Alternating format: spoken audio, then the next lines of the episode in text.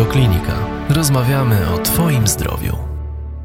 Witam Państwa bardzo serdecznie na portalu Radioklinika. Dzisiaj naszym gościem jest profesor e, Robert Gill, kardiolog interwencyjny, dyrektor warsztatów kardiologii interwencyjnej WCCI Warsaw, które odbędą się już niebawem, bo e, na początku kwietnia tego roku.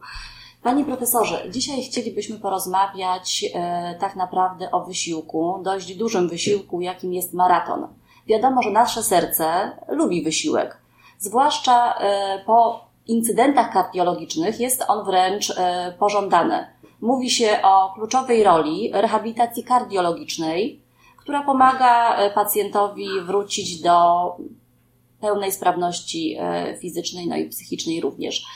I dzisiaj wraz z Eweliną Myłek, e, Dzień dobry witam, Państwu, witam. Ewelina, e, właśnie chciałybyśmy Pana Profesora spytać o to, czy udział w maratonie jest dobry dla naszego serca, czy raczej jest to sprawa sporna? Witam Państwa bardzo serdecznie. Dziękuję za możliwość spotkania, rozmowy na tematy, które e, są miłe dla mnie bardzo, bo jako były sportowiec może dzisiaj nie dysponuję super wiedzą na temat przygotowań i treningu m, wytrzymałościowego dla potencjalnych maratończyków, ale z racji e, swoich e, własnych e, doświadczeń, jak również doświadczeń, które są wnoszone przez naszych pacjentów, a do tego znajomość fizjologii i anatomii pozwala mi w jakimś sensie troszeczkę rozwiać wiele mitów i takich dziwnych historii, bym powiedział.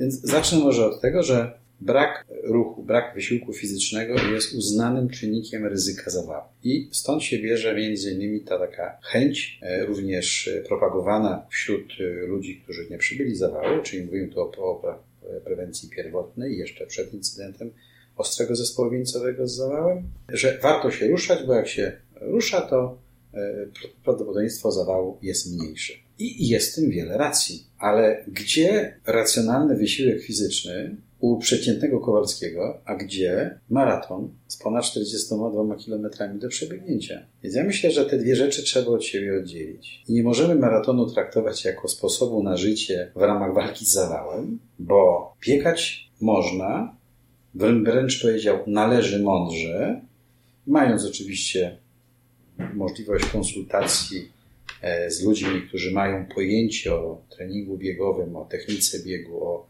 odżywianiu w trakcie biegu. To są wszystko, to jest wszystko wiedza, która pozwala w miarę bezpiecznie, spokojnie ukończyć maraton. Natomiast, jak jeszcze raz powiedziałem, namawiam do tego, żeby ruszać się. Dlaczego nie biegać, jeśli nie ma problemu z układem e, ruchowym, ale może nie od razu od 42 km i 195 metrów, tylko zacznijmy od mniejszych, od mniejszych, mniejszych dystansów. Ja się zastanawiam, panie profesorze, właściwie, co jest kluczowe dla nas, e, kiedy podejmujemy decyzję o tym, żeby pobiec e, w maratonie. Co powinniśmy brać pod uwagę? Czy jako kobieta powinnam inaczej się przystosować do, do maratonu niż mężczyzna? I, e, inne ćwiczenia wykonywać? Może dłużej, krócej, wcześniej zacząć na przykład? E, Jakie tutaj, czy, czy wiek też ma jakąś rolę tutaj gra? Jak to jest? Wszystkie czynniki, które Pani wymieniła, odgrywają ogromną rolę i z całą pewnością należy e, uznać, że nie ma jednej metody, jednej reguły na wszystkich. Do każdego z chętnych do biegania maratonu trzeba podejść indywidualnie, bo zupełnie inaczej e, trzeba przygotować do biegu młodego 18, 19 czy 20-letniego mężczyzny, który jeszcze niedawno intensywnie z kolegami biegał, grał w piłkę, jeździł na rowerze, e, trekking po wysokich górach stosował. Wiadomo, że jego przygotowanie będzie zupełnie- inaczej wyglądało. Od na przykład 40-latka, który przestraszył się zawału i uznał, że będzie biegał i wymyślił sobie, że jego celem w najbliższych miesiącach będzie, e, będzie ukończenie maratonu. Nie, i- I należy uznać, że to jest do zrobienia, natomiast zupełnie inaczej przygotowanie będzie wynikało. Ja myślę, że pierwszy z, etap, który powinien być e, spełniony, to e, delikwent, w dobrym tego słowa znaczeniu, powinien mieć świadomość, oczywiście w oparciu o konsultacje, badanie lekarskie, najlepiej kar- kardiologa właśnie, e, na ile jego układ krążenia jest w stanie i czy w ogóle jest w stanie taki wysiłek, jaki jest związany z maratonem, znieść. I tutaj e, łatwiej mają ci, którzy regularnie raz na pół roku czy raz, raz na rok zjawiają się u kardiologa, mają wykonane EKG, mają wykonane echo serca, e, e, pełne badanie fizykalne z zebraniem e, wyników, również z profilem biochemicznym, który też mówi wiele o prawdopodobieństwie tworzenia blaszki miażdżycowej i wystąpienia choroby wieńcowej. W sytuacjach, powiedzmy sobie, już jakichś przejść kardiologicznych albo podejrzenia choroby wieńcowej, nawet może być to związane z wykonaniem próby wysiłkowej, która jest pierwszym testem, na ile wysiłek fizyczny, e, układ krążenia danego e, człowieka e, no, daje, sobie, daje sobie radę. I to jest jakby ten pierwszy aspekt. Sprawdźmy, w jakim miejscu jest nasz układ krążenia. Na ile to serce jest w stanie być dotrenowane, żeby znieść taki wysiłek, jaki jest wnoszony przez właśnie te ponad 42 km maratonie. Czyli mówi Pan Profesor o tym, że konieczne jest wykonanie pewnego, pewnych badań, w tym właśnie echa serca, w tym EKG, tak? Co nam mogą pokazać te badania? Ja bym na to odpowiedział w ten sposób. Elektrokardiogram, bo mówimy o EKG, czyli elektrokardiogram tak. spoczynkowy, jest w stanie nam wiele powiedzieć e, o tym, czy w danym mięśniu sercowym, czy w danym sercu jest przerost lewej komory, czy są zaburzenia przewodzenia śródkomorowego, czy zaburzenia przewodzenia przedsionkowo-komorowego, czy są zaburzenia, e, zaburzenia rytmu, tak? To są, czy są cechy przebytego zawału. E, to są wszystko elementy, dzisiaj może przez co po niektórych e, za, zapomniane, bo sięga się metodami diagnostycznymi jeszcze głębiej. Ktoś może powiedzieć, po co, po co przepraszam, EKG jak robi echo. On już, otóż nie. Te dwa badania się uzupełniają, a nie wzajemnie eliminują. Dlatego, że z kolei elektro, dlatego, że echo, echo serca, czyli echokardiograficzne badanie serca, mówi nam o wielkościach jam serca, mówi nam o grubościach poszczególnych struktur, o funkcji tych zastawek, o tym, jaka jest sprawność tego serca w postaci frakcji wrzutowej lewej komory. E, mówi nam ewentualnie o e, e, watach jakichś wrodzonych czy nabytych, które też mogą, mogą, mogą wystąpić. I te dwa badania są takimi, które z całą pewnością dla takiego adepta biegania powinny być punktem wyjścia i nikt nie mówi, żeby EKG robić co miesiąc albo żeby echo serca robić co miesiąc, ale w zależności od tego, w jakim wieku jesteśmy, jakie pozostałe czynniki profilują nas w kierunku ostrego incydentu wieńcowego, potencjalnego zawału, to ta częstość kolejnych badań będzie dostosowywana właśnie do tego naszego profilu. I zawsze jest punkt wyjścia. Jak było na początku naszego treningu, a jak jest w trakcie. Czy możemy dalej kontynuować, czy nie. Także podsumowując y, to wszystko, y, każdy z adeptów powinien, i to bez względu na to, w jakim jest wieku, tak? bo ktoś powie, 18-latek, to po co mu? Przecież on jest zdrowy. Otóż, proszę Państwa, pamiętajmy o tym, że istnieje coś takiego jak pojęcie e, serca atlety.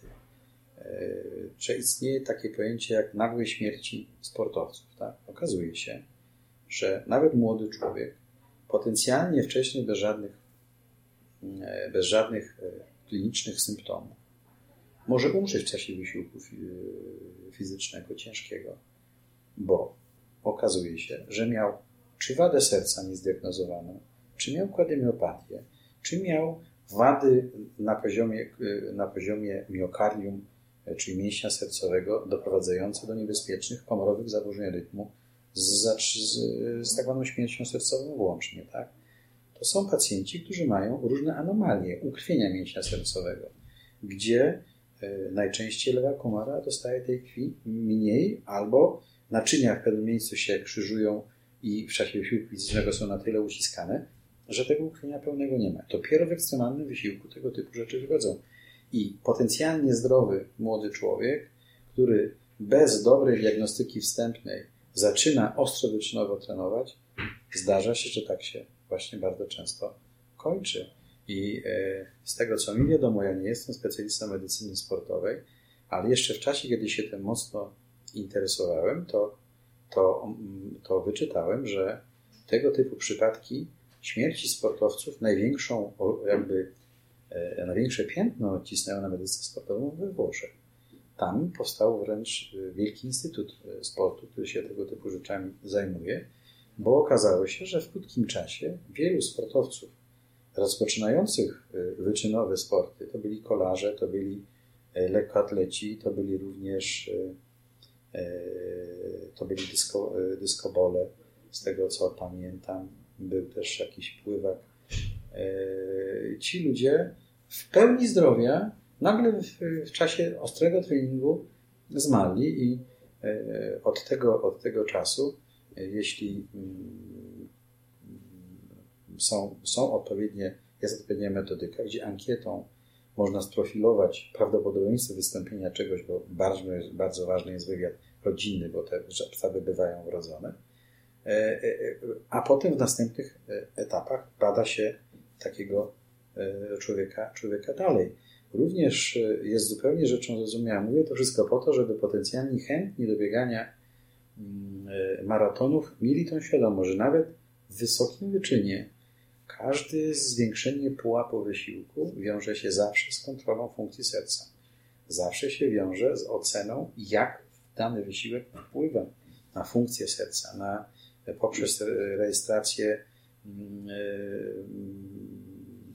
tego czynności serca i wychwycenie e, zaburzeń rytmu w postaci e, komorowych czy nadkomorowych, czy tudzież często skurczy. Tak samo można przeprowadzać prestacje E, ciśnienia w ciągu doby. Tak? To są wszystko mm, urządzenia, czy też metody, które u tych sportowców przechodzących z jednego etapu w drugi są wdrażane po to, żeby tych pacjentów, żeby ich, przepraszam, nie pacjentów, bo to są zawodnicy, e, żeby ich monitorować, żeby nie przegapić momentu, w którym nagle zwiększony wysiłek może zakończyć się tak tragicznie dla młodego, potencjalnie zdrowego, zdrowego człowieka. I to samo dotyczy przygotowań do tego maratonu. Zacznijmy od oceny własnych możliwości, od wydolności serca, a potem z kimś rozsądnym, kto się na tym zna, zacznijmy trenować. Wiadomo, że na początku dystanse muszą być mniejsze, potem mogą być dłuższe, ale wiemy również, że jest coś takiego jak trening dynamiczny i trening statyczny. Wiemy o tym, jak ważną sprawą jest przygotowanie, e, że tak powiem, wszystkich mięśni, nie tylko tych, które uczestniczą nie uczestniczą w, na przykład w szybkim biegu. Tak? E, to jest wielka, wielka nauka i wielka, wielka sztuka, ale z całą pewnością zapewniam, można osiągnąć w krótszym czasie więcej, jeśli się do tego z głową, z głową podchodzi. No często też jest tak, że tacy młodzi ludzie, o których Pan Profesor wspomniał, osiemnastolatkowie, ludzie, którzy, którym fizycznie zdawałoby się nic nie dolega, oni nie odczuwają żadnych e, Mm, dolegliwości, e, dla nich takie badanie echo serca jest pierwszym badaniem w życiu, tak? I, I, mogą nie mieć po prostu świadomości wręcz, że coś y, może to serce jednak skrywać, jakąś wadę właśnie typu wada wrodzona serca. Nie daje znaczy, objawu. Namawiam, namawiam mhm. do tego, żeby zadbać o takie badanie, dlatego że cokolwiek miałoby się nie stać. To może być za rok, za dwa, za trzy. I wcale nie, może, nie musi być związane z wysiłkiem fizycznym ale zawsze taki człowiek uzyskuje pytanie, czy słyszy pytanie, a czy kiedyś wykonano takie badanie? Bo mając możliwość oceny wpływu naszego, naszych przygotowań, naszych wcześniejszych wysiłków do tego punktu wyjściowego, możemy powiedzieć, czy coś nam służy, czy nie. Czy to, co się dzieje z sercem, jest fizjologiczną kompensacją należną czy wywołaną wysiłkiem, czy też zaczyna się patologia. Tak? Bo do pewnego momentu e, serce atlety, serce e, dobrze fizycznie e, rozwiniętego człowieka i regularnie trenującego, ono ma większą masę, tak? Ma przerośnięte pewne, pewne mm, części tego serca, które zwielokrotniają moc, moc tego serca, tak? No ale w sytuacji, kiedy schodzimy z treningu, to do pewnego momentu można wycofać te, te przerosty, tak? I to w badaniu ultrasonograficznym serca jesteśmy w stanie w stosunkowo prosty sposób, sposób ocenić. Natomiast jeśli przekroczymy pewne, pewne wymiary, to ta redukcja może już nie być wystarczająca i może stać się obciążeniem dla e, tegoż serca w, no, nawet normalnym funkcjonowaniu. Czy to jest tak, e, panie profesorze, że właściwie dlaczego e, niebezpieczny jest ten rozrost serca? Dlaczego, że, dlatego, że serce jest większe, a nasze naczynia takie same i nie są w stanie dostarczyć tylu substancji, tylu, te, tyle tlenu, co do tej pory, właśnie do bardziej rozrośniętego serca? I czy faktycznie i kiedy serce może wróci, wrócić do swoich rozmiarów, a kiedy już mamy, że tak powiem, drogę zamkniętą? To by było za proste, gdyby tak można było powiedzieć, że serce przerosło, naczyń jest za mało i dlatego jest niedokrwienie i stąd e, e, dzieją się e, różne rzeczy. Otóż tak do końca, do końca nie jest i znowu każdy przypadek powinien być indywidualnie rozpatrywany, bo krążenie wieńcowe czyni cuda, tak? To jest krążenie, które radzi sobie w ekstremalnych, w ekstremalnych sytuacjach i jeśli to ukrwienie anatomicznie jest prawidłowe, jeśli nie ma na poziomie mikrokrążenia żadnych wrodzonych defektów, to przerost fizjologiczny e, jest, znaczy nie, nie jest problemem, tych niedokrwień nie ma tyle, żeby obawiać się aż e, zawału. Tak? E, to, to jest prawie nie do, nie do, nie do wyobrażenia. Tak, tak się po prostu stać nie może. No ale zupełnie inaczej to będzie wyglądało, jeśli trafi to na pacjenta, który, czy na człowieka, który ma początki, początki e, kardiopatii, na przykład kardiopatii przerostowej, gdzie tam w sposób patologiczny ten mięsień e, przerasta, a jeszcze pobudzony wysiłkiem e, tym bardziej. I tam rzeczywiście ten niestosunek ilości naczyń do mięśni jest na tyle duży, że rzeczywiście niedokrwienia mogą, mogą występować. No ale są jeszcze inne elementy, które powodują, że ten mięsień przerośnięty, jak na przykład w homeopatii e, przerostowej, a i w mocno przerośniętym sercu może, może, może mm, tworzą się zaburzenia przepływu w obrębie samej lewej komory. I jakby e, upośledza to frakcję wrzutową, czyli tą sprawność mięśnia sercowego. Nie mówiąc już o tym, że energetycznie takie serce wymaga dużo więcej tej, tej energii niż, niż nie byłoby aż tak przerośnięte. A my wiemy oprócz tego, że, że przerost serca jest czynnikiem ryzyka e, no, chorób sercowo-naczyniowych, tak? Bo najczęściej ten przerost e, lewej komory łączy się z naciśnieniem. A tam, gdzie naciśnienie, to niebezpieczeństwo udaru, to też niebezpieczeństwo, niebezpieczeństwo zawału serca. Czyli jeśli nawet nie w bezpośredni sposób, to w sposób pośredni ma to pewien, pewien, pewien, pewien związek. To może spytamy teraz o takie y, zagadnienie, kto jakie osoby bezwzględnie nie mogą brać udziału y, w maratonie? Z jakimi schorzeniami? Właśnie jest to innymi nadciśnienie, tak? Genetyczne predyspozycje. Ja w tej chwili nie mam przed oczami y, żadnej publikacji ani spisu takiego, gdzie mógłbym powiedzieć w sposób autoritativnie ci mogą, ci nie mogą, tak? Mhm. Ja bym indywidualizował mimo wszystko, mimo wszystko tą sytuację i zdaję sobie sprawę, że raczej to wygląda w życiu tak, że pierw ktoś chce wziąć udział w, w maratonie, niż pójdzie się zdiagnozować, a potem decyduje o maratonie. Ja myślę, że trzeba powiedzieć e, w sposób uczciwy, że wszystkie poważne schorzenia kardiologiczne, tak, one są przeciwwskazaniem do, e, do, do, e, do, do, do, do maratonu. Bo biegać owszem tak, ale nie takie dystanse i nie w takim tempie.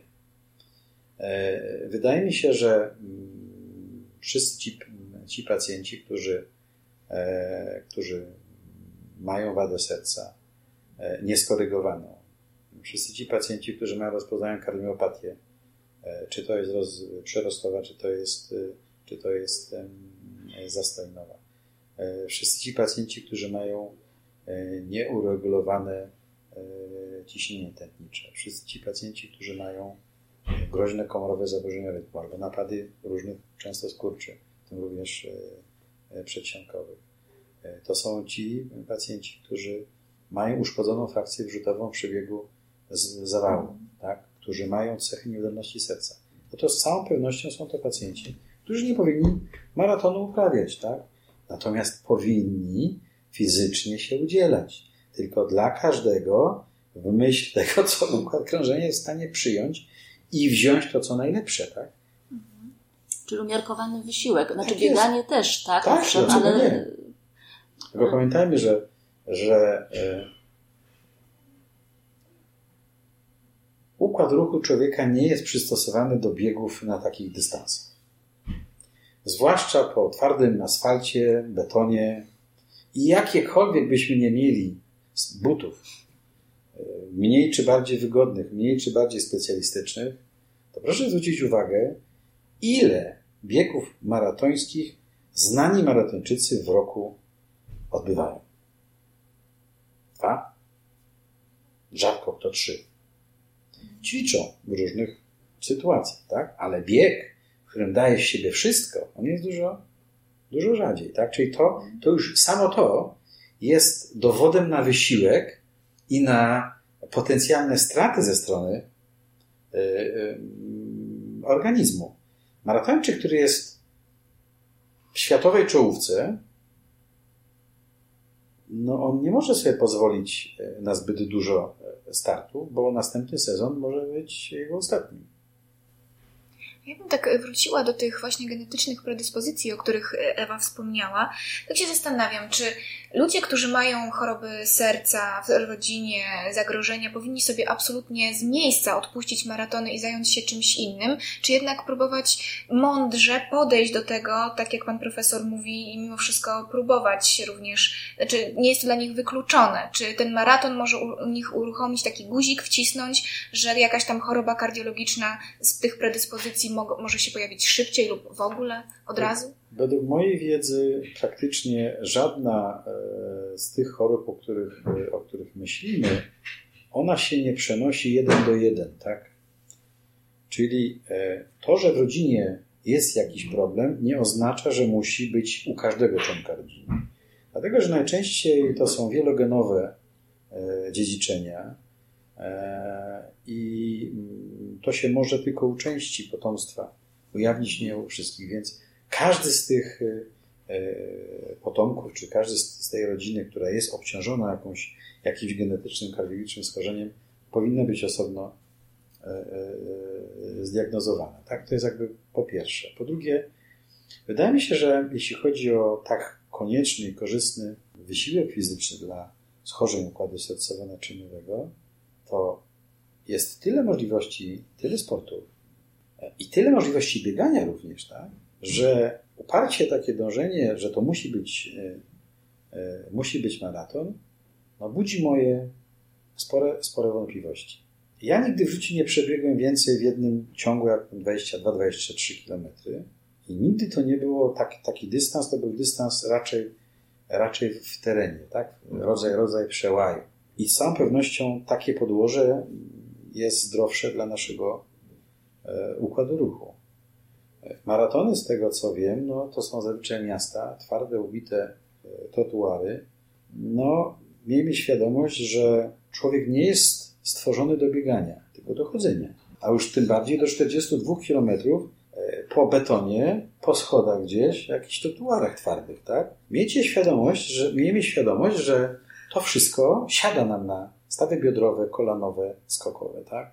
Stąd naprawdę E, warto się zastanowić, czy nasz układ ruchu nie zapłaci za rok, dwa, trzy taki, po takim bieganiu no, problemami ortopedycznymi. Warto sobie z tego zdawać sprawę. Nie to, żebym e, mówił, że straszny sport, że nie warto, nie.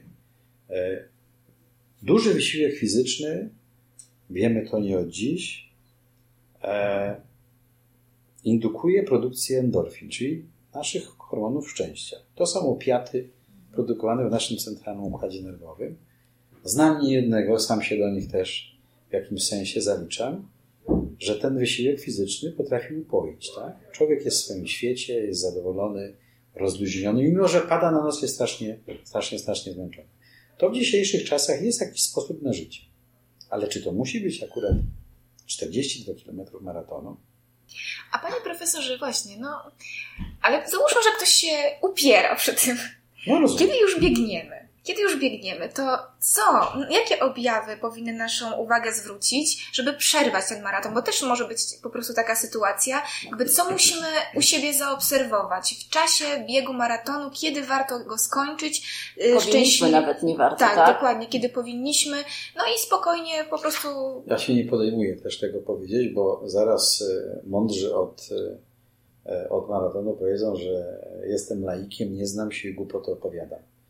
Ale myślę, że do tego trzeba podejść znowu w sposób bardzo zdroworozsądkowy, no taki racjonalny. Co to znaczy dla mnie racjonalny? Dzisiaj to jest tak, że grosze kosztują e, specjalne urządzenia i nie zajmują tyle miejsca, ile e, to kiedyś zajmowało, a nasz świetny, chociaż Robert Korzeniowski był prekursorem w świecie wręcz e, i treningu, i potem w trakcie, w trakcie zawodów stosowania tych urządzeń, które, które, które mu tętno monitorowały gdzie wytrenowany człowiek jest w stanie powiedzieć, że przy takim, takiej częstości serca on jeszcze jest w stanie tyle przebiec, tak? Wie, kiedy zna dystans, wie, kiedy trzeba przyjąć, bo to jest strasznie istotne, odpowiednią dawkę pokarmu, tak? Szybko wchłaniającego się, no to musi być dawka energii, która da tym mięśniom, no i mózgowi zresztą też, e, mózg jest też e, cukrozależny, energię i możliwość kontynuacji e, tego wysiłku. To jest również e, wyrównanie, czy chociaż próba wyrównania gospodarki wodnej, tak? W czasie takiego wysiłku, zazwyczaj są to ciepłe dni, człowiek traci bardzo dużo e, płynów, tak? Odwadnia się. Jeśli się odwadniamy, no to i nasza wydolność jest słabsza, a obciążenie dla serca większe. Więc tutaj jest kwestia mm, odpowiedniego obuwia, odpowiedniego ubioru. To jest kwestia E, e, energetyki, jeśli chodzi o przyjmowanie e, tych, tych wysokokalorycznych, mm, ale też szybko działających takich, no można powiedzieć, specyfików do tego wszystkiego mm, uzupełnianie, uzupełnianie wody. No i kontrola tego, tego, tego tętna. A dzisiaj są takie czujniki, że mogą wykazać nam również inne parametry, łącznie z ściśnieniem E, tętniczym, jakie, jak, jakie, jakie panuje. I teraz, jeśli ktoś używając tego typu urządzeń ćwiczy, zna odpowiedź swojego organizmu e, właśnie e, pod kątem utrzymania się tego, tego, tego tętna, no to on wie, ok, daje radę, układ krążenia też daje radę, kontynuuje swój, swój bieg, tak? Ale my wiemy o tym, są wręcz E, różne prześmieszne historie. No, może nie są prześmieszne dla sportowców, ale przecież wiemy z historii olimpiad, że byli tacy, co biegali, zmieniali stronę, tak? Czyli wygraliby, gdyby pobiegli we właściwą, tylko że no, ten przepływ mózgowy był na tyle zaburzony tym ostrym, ciężkim wysiłkiem. Kiedyś e, mniej mądry sport, mniej wiedziano o fizjologii. Ludzie trenowali w sposób bardziej e, naturalny. No, był Nikila Bebe, który E, który, który na, na Bosaka biegał, tak? I, i wygrał w Tokio właśnie na Bosaka, ale to dzisiaj nie ten czas, tak? To był ewenement na skalę, e, na skalę światową, więc e, wydaje mi się, że trzeba sobie wiedzieć, trzeba wiedzieć o tym, że kryzysy są i nie ma jednego, one są najczęściej dwa, bywają, że trzy. Siłą woli można z nimi sobie poradzić, ale są też tacy, którzy mówią, nie radzę sobie, E, e, rezygnuje, bo jest to takie poczucie, jeśli ktoś w życiu był ekstremalnie zmęczony, mi się zdarzyło tak kilka razy być, to poczucie jest takie, że człowiek umiera, tak? Po prostu, że, że siły od niego odchodzą, że, że właściwie, że to już jest koniec, że jeszcze 3-4 ruchy i się człowiek przewróci, a jednocześnie w głowie jest takie hasło. Kontynuuj, do, dokończ dzieła, daj radę, dasz radę, to jest wszystko to jest od wewnętrznej motywacji. Teraz dodatkowe informacje w postaci zaangażowania w trening, sprawdzenia zachowania się tego tętna i ciśnienia w trakcie wysiłku, możliwość monitorowania tego tętna w trakcie zawodów, tak? pozwala nam w sposób powiedzieć bezpieczny, ok, serce daje radę, tylko moja głowa nie daje. Jestem po prostu piekielnie zmęczony. Jestem zakwaszony. Kwas mlekowy zalewa moje mięśnie. A jak on zalewa moje mięśnie, no i sztywnieją, są nie do, no nie pracują tak, jakbyśmy chcieli, tak? To są wszystko rzeczy, gdzie człowiek, który poznał swój organizm, bo bez znajomości swojego organizmu nikomu bym nie zalecał przebiegnięcia 5 km, a dopiero mówić o 42. Więcej audycji na stronie radioklinika.pl i w naszej aplikacji mobilnej.